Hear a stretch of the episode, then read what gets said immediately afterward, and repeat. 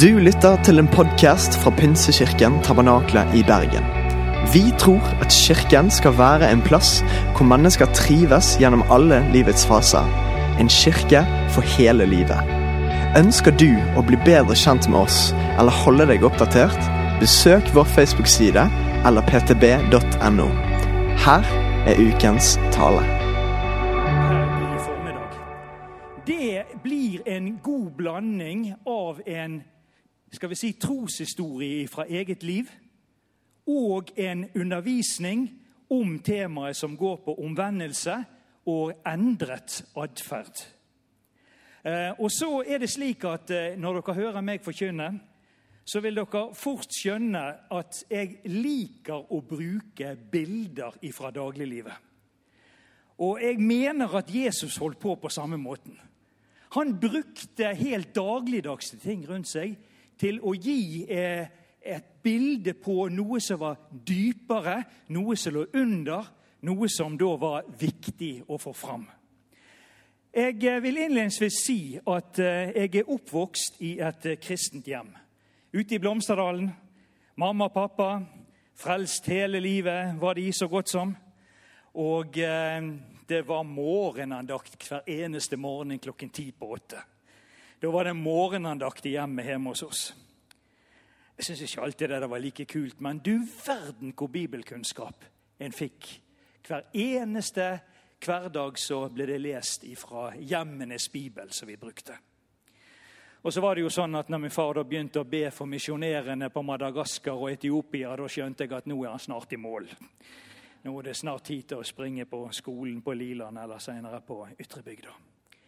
Som niåring er den første gangen der jeg veldig konkret kjenner på at Gud vil meg noe. Jeg er ni år gammel. Det er vekkelse i et lokalt bedehus oppe i Blomsterdalen.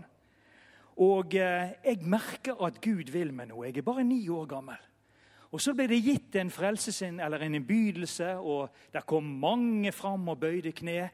Og Trygve Birkeland han tuslet fram og bøyde kne ute på kanten ved en stol der. Men det var ingen som kom og ba for en liten gutt. Det er kanskje en grunn til at jeg ble søndagsskolelærer i 34 år fra jeg var 14 år gammel. Men eh, barna ble liksom ikke regna med på den måten. Og så går det noe tid igjen. Og når jeg er 12 år gammel, den høsten jeg fylte 13, så eh, kjenner jeg at det er igjen tid til å gjøre et bevisst valg for livet. Fordi at jeg opplevde at kameratene mine trakk i helt andre retninger. Og det var viktig for meg å, å rett og slett ta et valg for livet mitt. Og, og det, det, valget foregikk faktisk på følgende måte. Og, og, dette er en honnør til dere som er eldre i menigheten. Jeg satt, og da var jeg i Sion i Blomsterdalen. Da satt jeg der, og så ser jeg meg litt sånn omkring der. Og så ser jeg vilt Kristus begeistrede gamle mennesker som lovpriser Gud. Som er i hengivenhet til Jesus. Og så får jeg den tanken inn i det, det unge hjertet mitt om at når disse menneskene i så høy alder fremdeles er så begeistret for det som har med Jesus å gjøre, så må det være noe fantastisk med det livet de har valgt. Så det var rett og slett en sånn logisk slutning som fant sted inni det unge hjertet mitt. Og jeg fikk lov til å gjøre et valg, eh, og det valget det har fått stått seg siden. Det kan godt hende at de gamle menneskene jeg så den gangen, var like gamle som jeg er i dag. Men det får nå heller så være. Så er det altså slik at når dette valget er gjort i livet mitt, Eh, og Nå kommer jeg litt inn på, på ting som, som, jeg også tenker er, er, viktig for oss å få med her. Da. Så er det klart at jeg, jeg fikk en visshet inn i hjertet mitt om at jeg tilhørte Jesus. En visshet inn i hjertet mitt. Og Jeg husker jeg var på en, en leir, og den leiren foregikk før jeg var, før jeg var 12-13 år gammel. Jeg, jeg var en sånn 10-12 års leir på Setervika med Norsk Luthersk Misjonssamband. Setavika har sikkert flere av dere vært innom. Og eh, Når jeg er altså på denne leiren, så er det en av disse leirlederne som, som sier noe veldig viktig til meg, som fikk, fikk, en betydning i livet mitt fra den dagen. Og Da er jeg altså ca. 9-10 år gammel. Og Denne leirlederen han sier at når du tar imot Jesus, så er det akkurat som du går om bord i en båt. Og båt, det har jeg peiling på. Og det hadde jeg peiling på den gangen. Jeg har én snekke, en 14-foter, en gummibåt, seks kajakker, to padlebrett. Alt til en samlet verdi av 50 000, for å si det sånn. Så det er utrolig mye kjekt med sjøen i mitt liv. Det er en av hobbyene mine. Men han sier som følger når du tar imot Jesus, så er det akkurat som du går om bord i en båt. Og når du da synder eller gjør noe dumt, sier denne leilederen, så detter du bare ned i lasterommet på båten. Du er fremdeles om bord. Og jeg skjønte dette. Og jeg forsto med en gang dette. At eh, ja, om det nå skulle skje at det går et eller annet galt i livet mitt, at jeg gjør noe dumt Og jeg var så vanvittig kreativ på barneskolen at jeg var et mareritt for mange av lærerne som jeg hadde.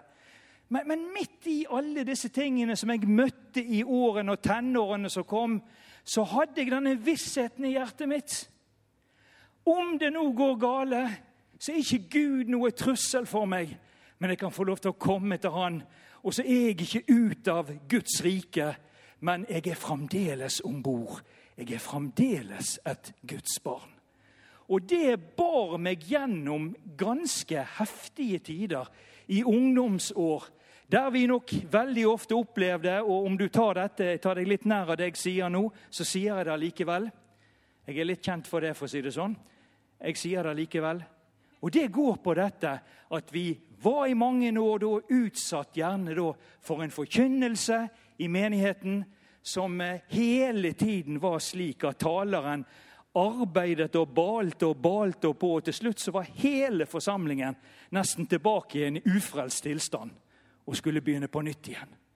Og Istedenfor at vi kunne bygge gode ting inn i mennesker, og en god grunnvoll og en god plattform, så blir det tilbake igjen til null hele tiden. Og Veldig mange ganger så, så var jeg en av de få som ikke gikk fram til forbønn. Jeg var jo frelst. Jeg tilhørte jo Jesus. Navnet mitt sto jo i livets bok. Det var jo skrevet inn der. Jeg fikk lov å tilhøre han. Så det der med frelsesvisshet som så veldig mange kravde med, det har jeg aldri kjent på som et problem. Men tenk hvor viktig det var at det var en leirleder den gangen som la disse viktige tingene inn i hjertet mitt. Og til og med i en ungdomstid og alt som det kunne føre med seg av fristelser av det ene og det andre, så visste jeg at selv om jeg skulle være i ferd med å gjøre noe dumt mens Jesus kom igjen, eller jeg gjorde noe dumt, og så kom Jesus igjen, så fikk jeg lov å være med allikevel. Det ga en trygghet inn i livet.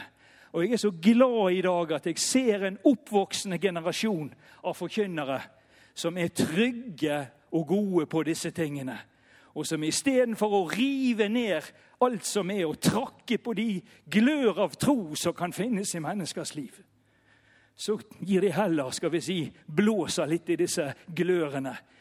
Trakker du på glør av tro i menneskers liv, så vet du aldri om det tar fyr igjen. Og mange i min aldersklasse sa jeg takk og farvel til alt som hadde med Gud å gjøre, pga. det trykket som de i sin tid ble utsatt for og kravene som de syns ble malt for deres øyne hele tiden gjennom forkynnelsen. Halleluja. Tenk at Jesus bor i mitt hjerte. Å, det er så herlig å tenke på. Og Jeg glemmer ikke når jeg er Lønningen, som var pastor eller forstander i Sion i den tiden. Jeg husker han gjemte seg bakom talerstolen. Dere husker den store mannen. Egil han gjemte seg bakom talerstolen. Det er veldig vanskelig å gjøre det her nå, da. Men, eh, men eh, det, er ingenting å gjemme seg bakom. Her er alt åpent, og ingenting er skjult. Men jeg husker Egil. Han gjemte seg bakom talerstolen. Og så, og så kikket han fram, og så så han strengt. Og så så han litt strengt til hinsiden. og så sier han til oss Tror dere at det er sånn Gud er? Tror dere det er slik Gud er? At Gud er der og lusker på dere for å ta dere når dere gjør et eller annet galt, og irettesette dere og hele den pakken der. Og så bruker han disse ordene som flere i salen har hørt meg bruke. Gud er der, og han overvåker oss ikke, men han våker over. Og det er stor forskjell på disse tingene. Og hvorfor forteller jeg dette? Jo, dere vil skjønne det litt seinere. Frelsen som vi mottar, den er i Jesus alene.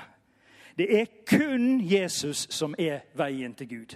Kun Jesus Kristus. Det er ikke gitt oss noe annet navn under himmelen ved hvilket vi kan bli frelste. Og vi må aldri gå på kompromiss med det. Vi må på ingen som helst måte røre ved den sannheten som Bibelen forteller oss, at det er kun gjennom Jesus Kristus. Han snakker ikke bare om veien til Gud, men han sier sjøl at han er veien til Gud. Og når vi tar imot Jesus Kristus, så blir vi skjult i han. Vi blir skjult i han.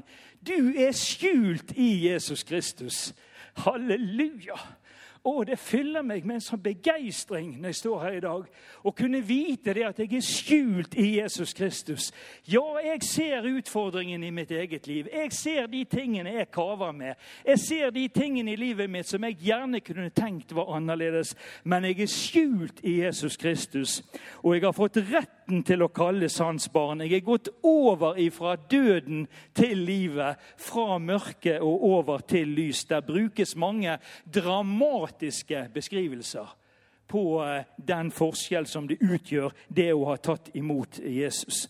For Jesus han levde det livet som vi aldri ville kunne klare å leve.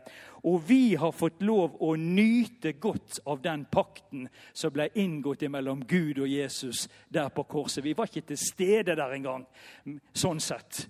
Men vi fikk nyte godt av det som skjedde den gangen.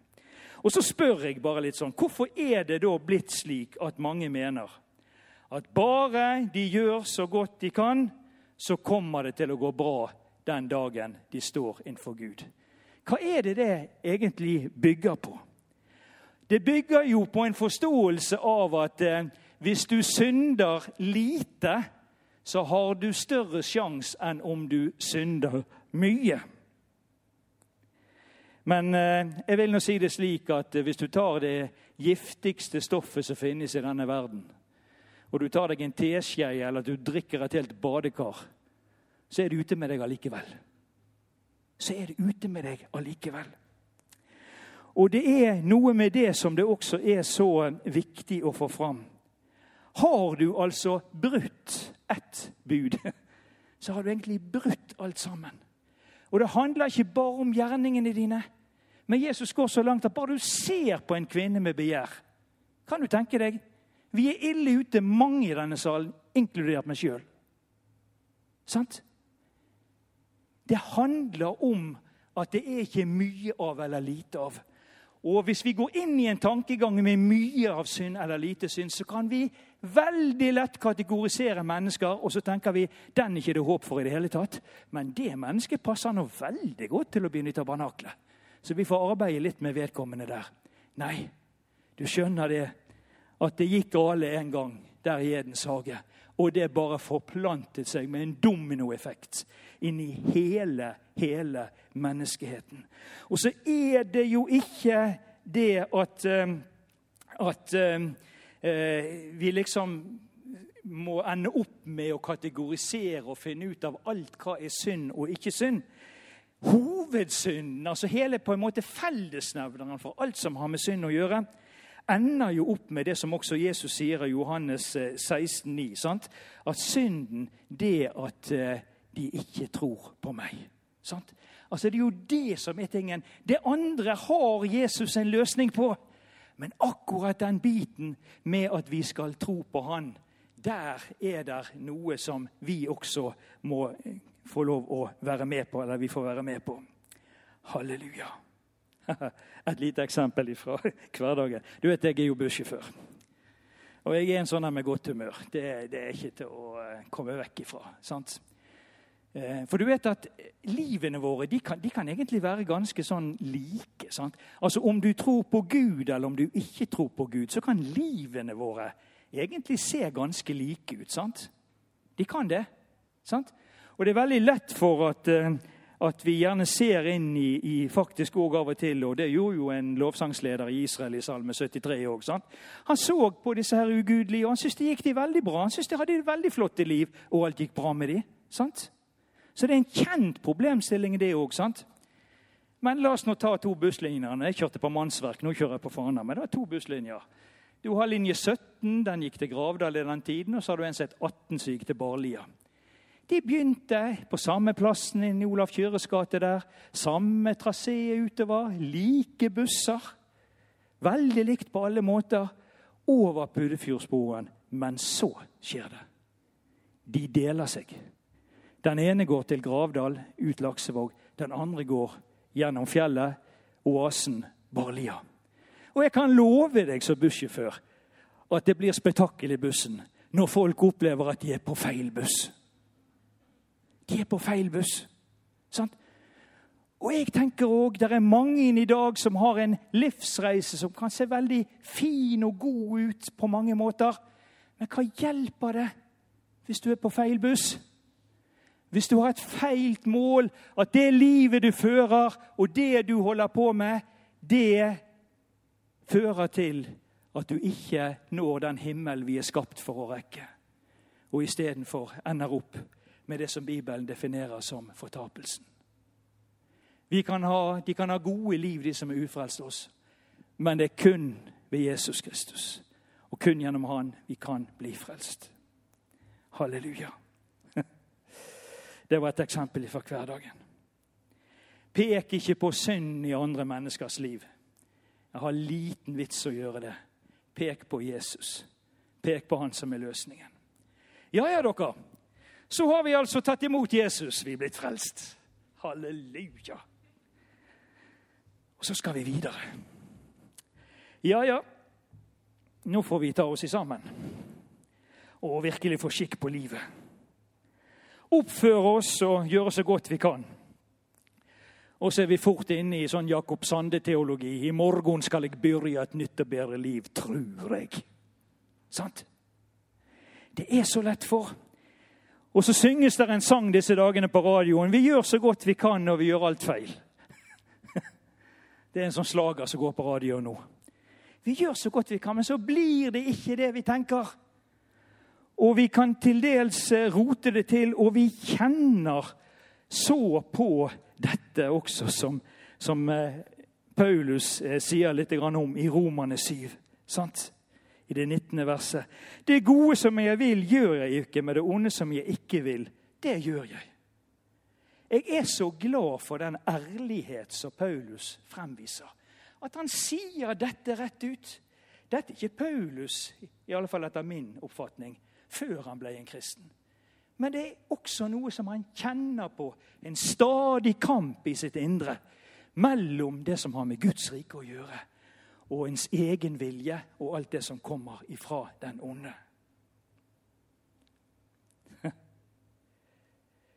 Oi sann. Hva skal vi gjøre i en sånn situasjon? Hvordan skal vi komme oss videre? Jeg har gode nyheter til dere. Han som begynte den gode gjerning, ved at du tok imot han. Han har ikke fjernet seg, men han vil fortsette. Han vil fortsette. Vi kjenner på det onde og det vanskelige i livene våre. Men det er ikke slik at han holder det opp imot oss. Han er der for å hjelpe oss. Han er der for å våke over oss. Han er der ikke for å overvåke. Og du vet det at det er det er jo to måter å, å nærme seg f.eks. Salme 139. Er det vel, sant? Herre, du ransaker og kjenner meg. Det kan du si på følgende måte.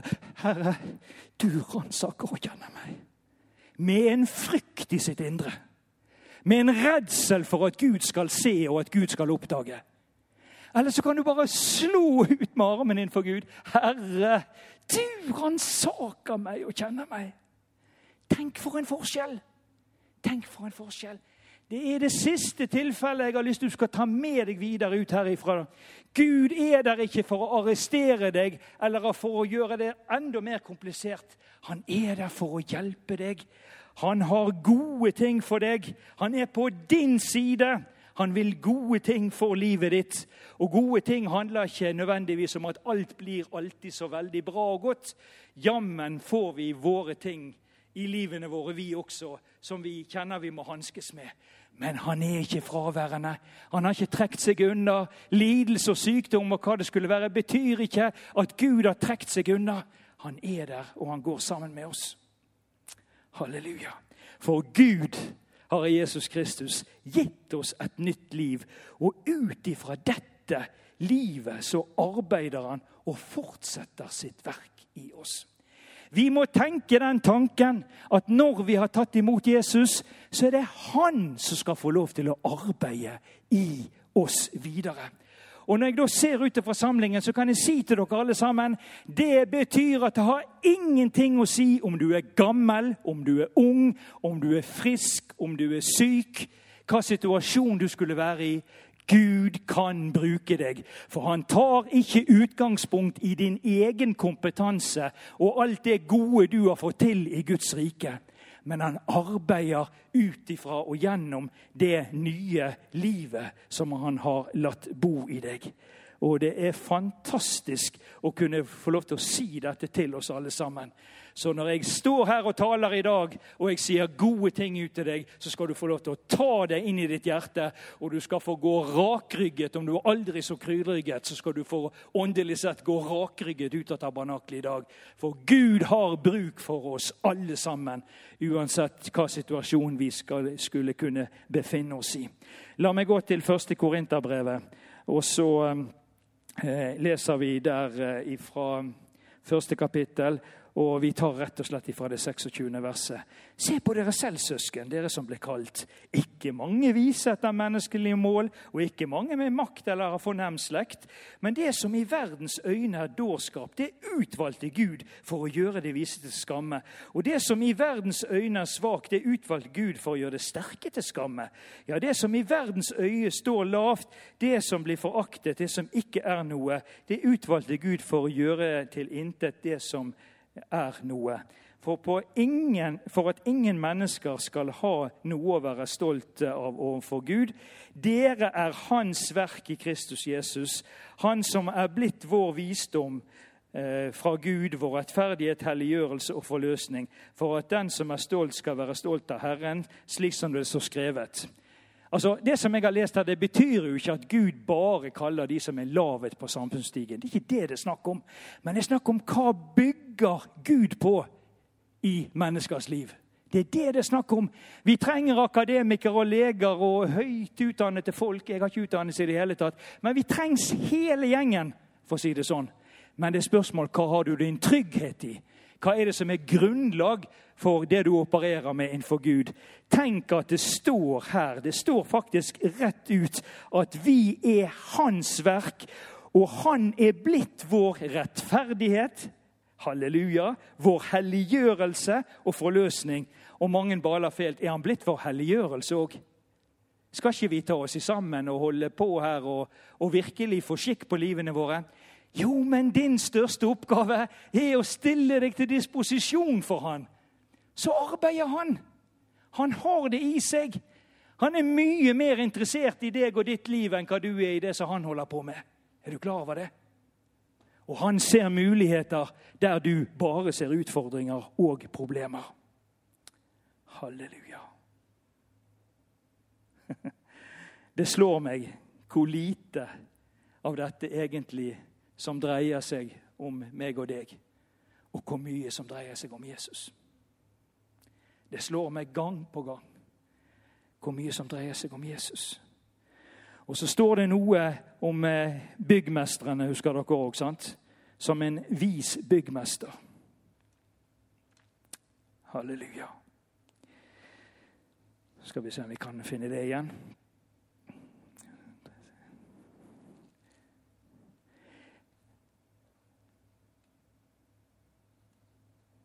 I kraft av den nåde som Gud har gitt. Og da er vi i første kor 3.10. la jeg grunnvollen som en klok byggmester. En han bygger videre. Men hver enkelt må være nøye med hvordan han bygger. Ingen kan legge noe annen grunnvoll enn den som alt er lagt Jesus Kristus. Men om noen bygger på grunnvollen med gull, sølv eller edelstener, med tre, høy eller halv, skal det en gang vise seg hva slags arbeid den enkelte har gjort.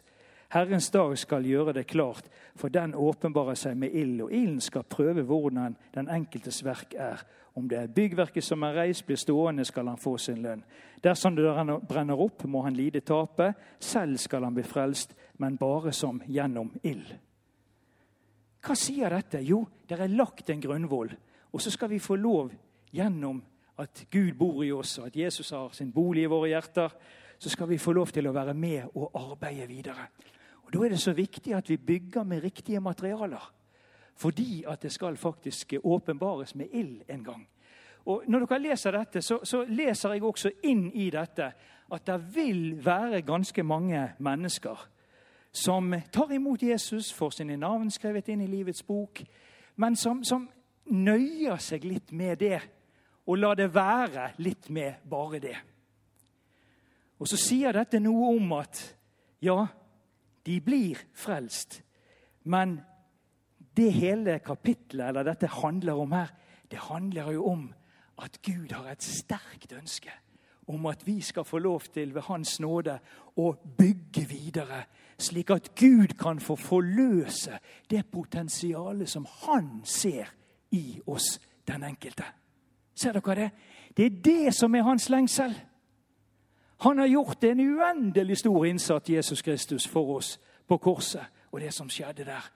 Og han har et sterkt ønske om at vi skal få lov til å arbeide videre og at det som vi får lov å være med og arbeide, er ting som står seg i et evighetsperspektiv. Vi skal ikke framfor domstolen i den forstand, vi som, vi som tilhører Jesus Kristus. Men det blir allikevel en sånn lønningsdag en gang der framme, som det står skrevet om. Og jeg tenker, kjære Gud, la meg få lov til å tjene deg med både det jeg er, og det du kan bruke meg til gjennom det nye livet som du har latt bo i meg. Halleluja. Hans verk. Dere er hans verk. Ikke vårt eget verk, men hans verk. La meg ta deg også med inn i Efeserbrevet. Eh, og eh, vi kan først ta, Galaterne 5.22, og så tar vi Efeserbrevet etter. Men åndens frukt er kjærlighet, glede, fred, overbærenhet, vennlighet, godhet, trofasthet, ydmykhet og selvbeherskelse. Slike ting rammes ikke av loven. Åndens frukt. Åndens frukt. Hør denne oppramsingen. Den, den er godt forståelig. Kjærlighet og vi lengter. Glede. Fred. Overbærenhet. Tenk det, du. Et godt uttrykk. Det er ikke sikkert at du skal ta alle de kampene du treng, tenker i ditt indre du skal ta overbærenhet, vennlighet. Du verden hvor mye lengre du kommer med honningen med sitron, for å si det sånn. Det gjør seg med vennlighet, godhet, trofasthet, ydmykhet, selvbeherskelse. Når du så inderlig vet at du har rett, og du ønsker å stå på, og du har forberedt innlegget inni deg for å ta vedkommende så det holder. Selvbeherskelse. Tenk igjennom litt. Hva ord og uttrykk hadde du trengt å bruke? Og alle disse tingene. Så går vi til Efeserbrevet. Og så eh, står det her Til slutt bli sterke i Herren. Sjette kapittel og tiende vers. I Hans veldige kraft. Ta på Guds fulle rustning, så dere kan stå der mot djevelens listige knep. Ser du det? Vi kan få stå imot. Vi trenger ikke å, trenger ikke å angripe djevelen, hvis du skjønner det jeg leser forsvar inn i mye av det som står her. For vår kamp er ikke mot kjøtt og blod, men mot makter og åndskrefter, mot verdens herskere i dette mørket, mot ondskapens ånder i himmelrommet. Ta derfor på Guds fulle rustning. Her kommer nok et verktøy til oss, sant? så det kan gjøre motstand på den onde dag. Ja, det betyr at det blir onde dager. Det blir situasjoner. Det er en ærlighet i Skriften på at alt kommer ikke bare til å være greit. Stå der fast, spenn sannhetens belte rundt livet, kle dere i rettferdighetens brynje. Stå klar med fredens evangelium som sko på føttene. Hold alltid troens skjold høyt, med den kan dere slukke alle de ondes brennende piler. Ta imot frelsens hjelm og åndens sverd, som er Guds ord. Gjør dette i bønn og legg fram for Gud. Be alltid i ånd. Våk hold ut i bønn for alle de hellige, osv. Halleluja. Her er verktøyet deres. Det kler hele kroppen.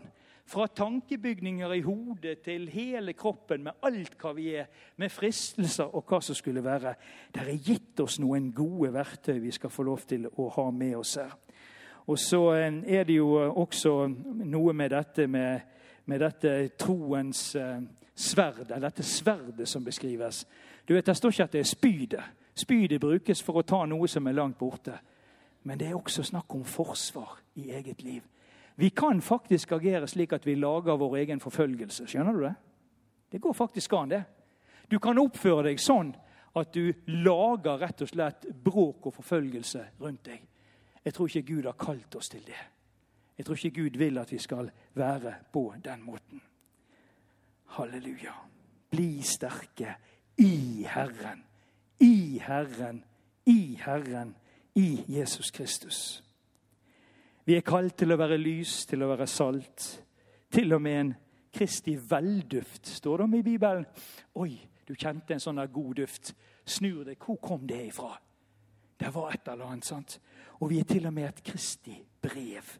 Et Kristi brev. Et Kristi brev. Jeg vet ikke hva ditt brev handler om. Går du rundt som et kjærlighetsbrev til verden, eller går du rundt som et vandrende inkassovarsel? Jeg spør bare, jeg. Sånn som jeg ofte gjør når jeg taler. Jeg håper, håper at når ufrelste mennesker møter deg, så møter de et kjærlighetsbrev og ikke et inkassovarsel. For uansett hvor mye mennesker gjør, og hvor bra de gjør det, så vil jeg aldri holde inn for Gud. Det er kun gjennom Jesus Kristus. Og Jesus han vil at vi skal være her. Jeg ber ikke, sier Jesus, om at du skal ta dem ut av denne verden, men bevare dem fra det onde. Du er ønsket i denne verden. Du skal leve akkurat nå. Du skal være akkurat her nå. Lovsangerne kan komme fram her, og så skal vi bevege oss mot avslutning her. Jeg er nok en sånn eh, person som er mest opptatt av livet før døden. Jeg vet det kommer noe veldig bra. Jeg vet det kommer noe. Men jeg er nok mer opptatt for tiden med det som skjer før døden. Og jeg eh, fikk egentlig høsten som eh, Altså i fjor høst blir det, da høsten 2020. Så fikk jeg et sånn stille og sakte og godt møte med Gud. Med Guds nåde. Jeg så for meg sjøl at jeg var som en sånn stein på fjæra sjø. Og så kom bare denne floen. Har dere sittet der på en blikkstille dag ute ved sjøen? Når floen bare som en sånn hinne omtrent på steinen beveger seg lengre og lengre opp, og til slutt dekker. Jeg kjente meg som en sånn her stein i strandkanten, der det varme vannet bare flødde over meg. Og jeg fikk kjenne Guds nåde over livet mitt. Og Det er så herlig å tenke på at når, når Titus også eh, har sine ting som, som det skrives eh, der til han, da, så snakker han om at for Guds nåde er blitt åpenbart til frelse for alle mennesker. Den oppdrar oss til å si nei til et ugudelig liv og verslige lyster og leve forstandig, rettskaffent og gudfryktig i den verden som nå er. Akkurat nå akkurat nå, mens vi venter på vårt salige håp at vår store Gud og Frelser Jesus skal komme i herlighet. For Kristus ga seg selv for oss for å løse oss ifra all urett og rense oss eh, så vi kan være hans eget folk. Halleluja. I vers 12 står det nåden, den oppdrar oss til å si nei. Tenk at vi skal få bli oppdratt av nåden. Er ikke det noe annet enn å få lov og krav i hodet? nåden oppdrar oss. Og For meg har det vært veldig godt, for å si det rent personlig. Vi har hatt en sykdomssituasjon nært innpå i familien vår. Og For meg så var det så godt etter den høsten jeg fikk lov å ha. Å bare få lov til å kjenne Guds nåde bare dekke over livet.